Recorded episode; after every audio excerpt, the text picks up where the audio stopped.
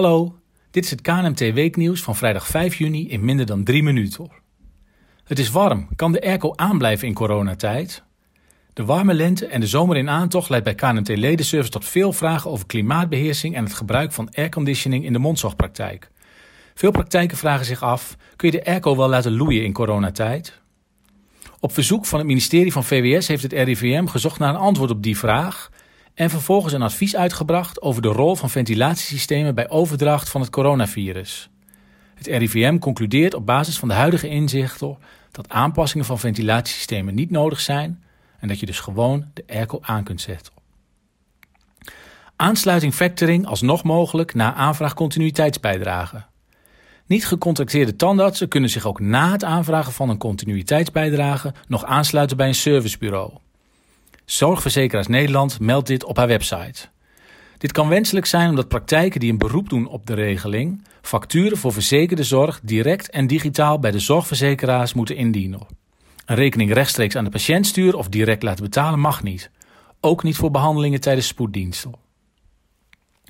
Vanaf 1 juni geboorteverlof na maximaal 6 weken. Vanaf 1 juli 2020 kunnen partners 1 tot 5 weken extra geboorteverlof opnemen. Nu is dat nog één week. De eerste week geboorteverlof wordt het salaris doorbetaald door de werkgever. De volgende weken krijgt een werknemer een uitkering van het UWV ter hoogte van 70% van hun dagloon. Ken jij de online kennisomgeving van de KNMT al? Een cursus of e-learning volgen waar en wanneer het jou uitkomt? Of jouw kennis over een richtlijn testen met een kennistoets? Je regelt het via de online kennisomgeving van de KNMT. Het uitgebreide aanbod biedt voor elk wat wils en levert je KT-punten op. De online kennisomgeving is de ingang voor jou online bij een nascholing. Je vindt de kennistoetsen waarmee je kennis over de nieuwste richtlijnen test, maar er zijn ook NT-toetsen die gaan over de artikelen die je hebt gelezen in het Nederlands Standaardseblad.